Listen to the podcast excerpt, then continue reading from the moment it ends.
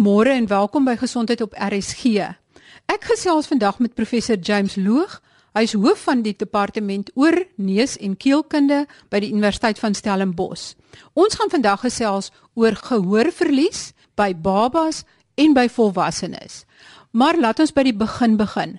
Professor Loog, hoe hoor 'n mens? Die prinsip van gehoor is dat ons weet mos dat klank bestaan uit golwe klankgolwe wat deur die lug dan kom en hulle kom in die oorkanaal in en veroorsaak dat die oordrom beweeg. En as die oordrom beweeg, veroorsaak hy dan dat die gehoorbeentjie ketting beweeg. Want die eerste deel van die eerste gehoorbeentjie is gebeure in die oordrom self. En dan staan die drie gehoorbeentjies, die een laat die volgende beweeg en die en die volgende weer die laaste. En die laaste gehoorbeentjie is die stiebeeltjie, want hy lyk soos 'n stiebeel en hy sit in 'n wat ons noem die ovale venster. So sy voetplaatjie sit in die ovaal venster wat dan in verhouding is tot die gehoorslakkie. Net diep tot hierdie stiebeeltjie se voetplaatjie is daar dan die vog van die gehoorslakkie. En dit veroorsaak dan dat daar golwe is wat in die vog van die gehoorslakkie opbeweeg tot op sy punt, tot op sy apex. En in hierdie gehoorslakkie, in die kanaal van die gehoorslakkie is daar 'n membraan, die basilaire, sogenaamde basilaire membraan, waarop daar 20000 fyn haarselletjies lê. En soos die klankgolf opbeweeg, stimuleer hy dan hierdie fyn haarselletjies deur middel van die beweging. Hierdie haarselletjies is verskriklik prikkelbaar. So met die beweging Die meganiese beweging van die klank veroorsaak dan dat hulle klein elektriese impulse genereer. En hulle stimuleer dan die gehoorsenuwee wat in die middel van die gehoorslakkie is. Hy in die die middel van die gehoorslakkie is 'n spiraal, so dit word genoem die spirale ganglion waar die selletjies van die gehoorsenuwee is en dit veroorsaak dan dat uh, hierdie stimulus, hierdie elektriese impuls dan opgaan met hierdie senuwee na die brein toe en dan hoor ons in ons brein in ons kop. So ons hoor eintlik met ons brein deur middel van die hierdie ingewikkelde stelsel van die gehoorbaan. Wat kan verkeerd gaan in hierdie lang string van gebeurtenisse vandat die golwe jou oordrom tref totdat jou brein registreer dat dit iets is wat jy hoor? En wat spesifiek gaan by kinders verkeerd dat 'n baba gebore word sonder dat hy kan hoor? Goed, dis 'n goeie vraag. Daar's honderde oorsake van wat in hierdie ketting soos jy noem uh, kan verkeerd gaan. In prinsip is daar twee tipes gehoorsverlies. En die een word genoem 'n geleidingsgehoorsverlies. En dit is in die in die pad wat ons nou beskryf het tot by die gehoorbeentjies. Wat daar basies gebeur daarso is dat daar blokkade of 'n ontwrigting of iets gebeur wat die gehoorbeentjies vas vasklou of of veroorsaak dat daar nie voldoende beweging is nie sodat die klank wat by die binneoor uitkom versag is. Oor die algemeen is dit nie heeltemal 'n totale gehoorsverlies nie. Verskeie grade van van minimaal tot tot tamelik erg maar nie 'n totale gehoorsverlies nie. Oor die algemeen is dit ook 'n redelike eenvoudige gehoorsverlies. Dit is nie kompleks en daar's nie 'n ingewikkelde diskriminasie aspekte daarin nie. Dit is maar net 'n kwessie van as mens die volume kan verhoog van die van die klank, dan kan die pasiënt beter hoor. So jy kan dit of doen deur middel van operasies om die probleem uit die weg uit te ruim of jy kan 'n gehoorapparaat gee en die die volume net lig en dan hoor die pasiënt beter. En die tweede groep is dan wat ons noem sensories neurale gehoorsverlies. En dit is baie meer ingewikkeld en het te doen met die sintuigorgaan van die gehoorslakkie en met die senuwees wat dan na die brein toe gaan of met die brein self. En dit is soos jy jouself kan voorstel, dit is dieper, dit is baie meer kompleks, dit is baie meer met neurologie te doen. En moeiliker om reg te maak en ons kundigheid met met hierdie tipe van gehoorsverlies is nog relatief beperk alhoewel dit ons baie kan doen en dit baie verbeter het. Uh die algemeenste oorsaak van gehoorsverlies by kinders is gomoortjies, net eenvoudig vog agter die oordrom wat verhinder dat die oordrom goed beweeg. En dit is nie 'n groot gehoorsverlies nie, is 'n matige gehoorsverlies en redelik maklik oorkombaar. Die belangrikste is wel erge sensories neurale gehoorsverlies waar die gehoorslakkie oor die algemeen lê die probleem in die gehoorslakkie en waar die kinders dan 'n ernstige of miskien 'n uitermate gehoorsverlies het. En die belang daarvan is het alles te doen met die belang van gehoor by die ontwikkeling van spraak. Ek lei af dat dit baie belangrik is dat mense baba se gehoor so gou as moontlik laat toets om vas te stel of hy een of ander gehoorverlies het. Hoe vinnig moet mens wel vasstel of die baba kan hoor of nie sodat jy hom kan help? Kyk, as mense klein gehoorsverlies het, soos gomoortjies ensovoorts, dan is dit nie so krities nie en mense kan wag en sien of dit die die toestand nie self herstel nie. Maar is heeltemal korrek. Die rare gevalle maar nie so raar nie, miskien 1 in 1000 of 2 in 1000 babas in die eerste jaar van hulle lewe ly aan erge of uitermate sensories neurale gehoorsverlies. En dit is 'n krisis want want hierdie kinders hulle is beroof van 'n sintuig, van die van die sintuig van gehoor. En die groot belang hiervan is dat gehoor absoluut essensieel is vir die ontwikkeling van spraak. En net kinders, net jong kinders kan aanleer om te praat. Kinders bo die ouderdom van 4, 5, 6 jaar of groot mense soos onsself kan onder geen omstandighede aanleer hoe om te praat as hulle dit nie reeds aangeleer het nie. Ons het nie net, net eenvoudig nie nie meer daai vermoë nie. Die vergelyk wat ek eintlik altyd hou om te trek is het te doen met visie. So die die punt is dat jong kinders het plastisiteit van die brein, het hulle het leervermoëns en plastisiteit van die brein en hulle kan senuweebane ontwikkel. So as jy byvoorbeeld 'n kind sou neem met perfekte oë en 'n perfekte brein, oë wat kan sien en 'n brein wat kan leer en jy sluit die kind in 'n donker kamer sonder enige lig toe vir 6 jaar en bring die kind dan uit in die buitelug. Wat sal die kind sien? Wat sal hy sê? Sal hy sê haleluja dis pragtig. Die antwoord is die kind sal niks sien nie. Die kind sal absoluut blind wees want die oog en die brein het nie geleer om mekaar te verstaan nie. Die bane is nie ontwikkel nie. Nou dieselfde geld ook vir gehoor. As 'n kind 'n goeie brein het en 'n goeie gehoor senuwee, maar die klank kom nie by die brein uit nie. En ons help die kind nie om spraak aan te leer nie. As jy dan wag tot die kind 3, 4, 5, 6 jaar oud is, dan sal daai kind nooit kan aanleer hoe om te praat nie. Definitief nie goed aanleer om te praat nie. So ons is nou baie bewus daarvan dat ons so vroeg moontlik moet optree om in sulke gevalle waar die kind nie natuurlik hoor en natuurlik dan spraak kan aanleer sommer net om deur sy ma ma te luister en en na en na die wêreld te luister nie moet ons sorg dat ons daai brein stimuleer met spraak. Dit kan gedoen word met uh gehoorapparate om die klank te versterk en met intensiewe terapie soos professor Karl de Tooy soos hy genoem het dekades voor kokleaire implanting alreeds gesê het mens kan doen. Jy kan 'n dowe kind leer om te praat, maar intensiewe behandeling. Maar dit is baie makliker natuurlik om te sorg dat die kind kan hoor. En dit is baie belangrik dat ons baie vroeg optree. Nou iets gevra, hoe vroeg kan mens so 'n gehoorsverlies, so 'n uitermate ernstige of 'n uitermate gehoorsverlies optel sodat ons weet ons moet optree en intree. En die antwoord is baie opwindend. Die antwoord is ons kan op die dag van die kind se geboorte die gehoor toets en sê of die kind doof is of nie.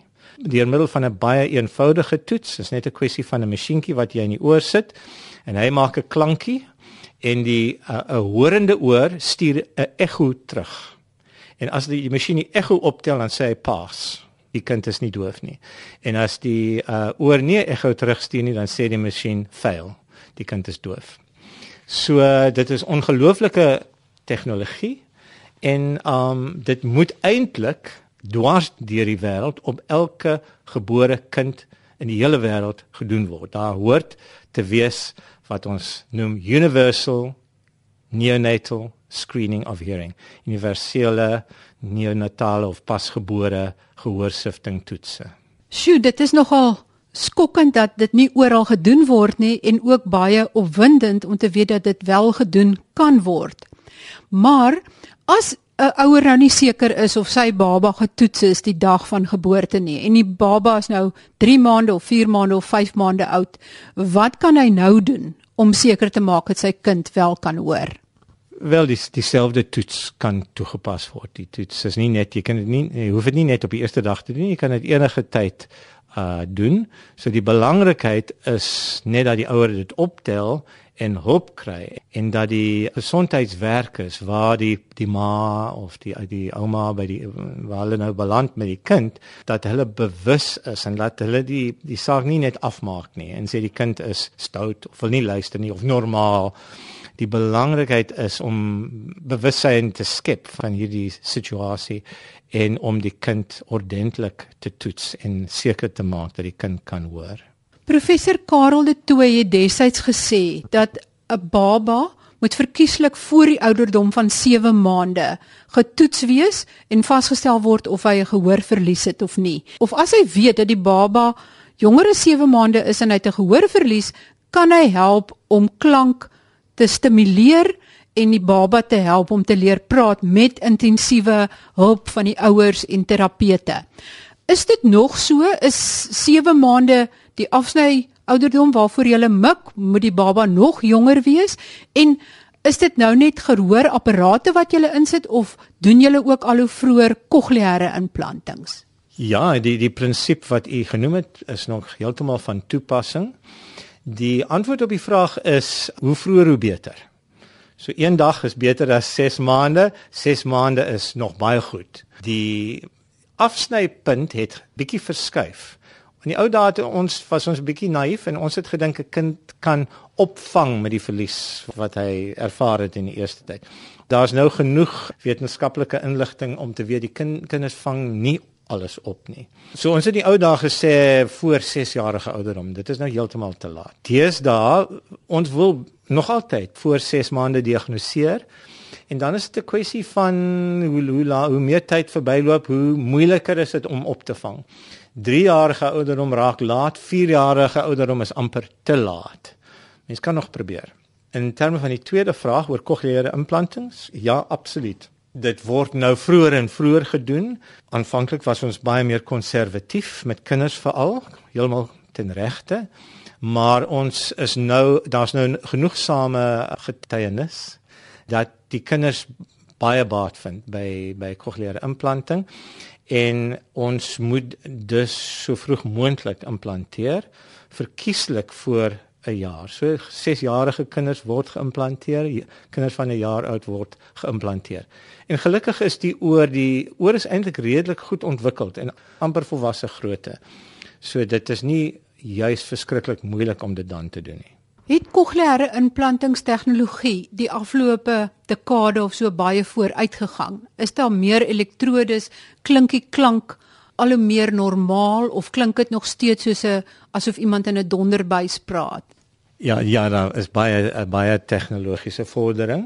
Ons gebruik nie meer uh, kanale of elektrodes nie. Is nog altyd daar rondom 22. Maar die grootste verbetering het gebeur in die klein rekenaartjies wat gekoppel word aan die elektrodes.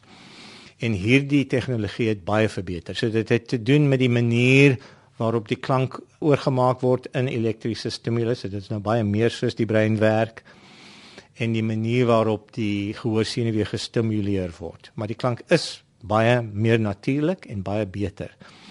En ons het by Tygerberg voorbeelde gehad waar pasiënte die nuwer apparaat gekry het en onmiddellik 'n uh, groot verbetering waargeneem het. Dit is eintlik baie fantasties dat daar wel al soveel vooruitgang gemaak is. Ons het nou gepraat van die erge gehoorverlies by kinders, maar wat van gomoor? Hoe behandel mens dit? Jy het gesê dis baie eenvoudiger. Wat doen julle om dit op te los? Ja, dit dit is 'n baie eenvoudiger probleem, baie meer algemeen en baie eenvoudiger probleem. Maar dit is wel baie omstrede hoe hoe mense dit behandel. En as jy wil kry dat oornies en keelartse mekaar moet aanval, dan moet jy net die uh, die onderwerp van gomoorkies lig. Die klassieke gedagte is om pypies in die ore te sit mos, nê, om om lug toe te laat aan die middel oor die middel van hierdie pypies, grommets.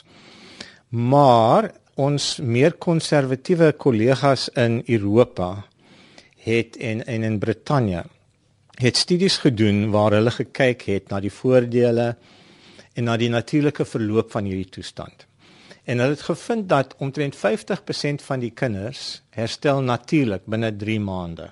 So dit wil sê die aanvanklike behandeling in 'n kind waar mense dit pas gediagnoseer het, veral 'n jong kind waar waar mense kan dink dis 'n nuwe toestand. Uh die aanvanklike behandeling moet waarskynlik maar net wees afwagtend om te sien of dit nie van self wil opklaar nie. En na 3 maande kan mens gerus verwys na die oorneus en keelaartse wat dan kan oorweeg om om die om 'n uh, die snytjie te maak in die oordrom gom uit te suig en die pypie in te sit om te sorg dat die oor geventileer word dat daar lug is agter die oordrom en nie hierdie vog wat die klank verhinder nie.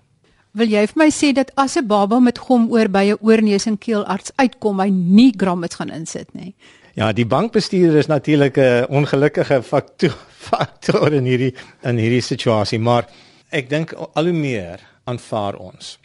Dit is nie altyd net die oorneus en keelarts wat die blaam moet kry nie, want partykeer word daar druk uitgeoefen van die ma of van die pediater wat uh, aandring uh, dat die weet dat die kind nou, nou baie ongemak het of probleme het.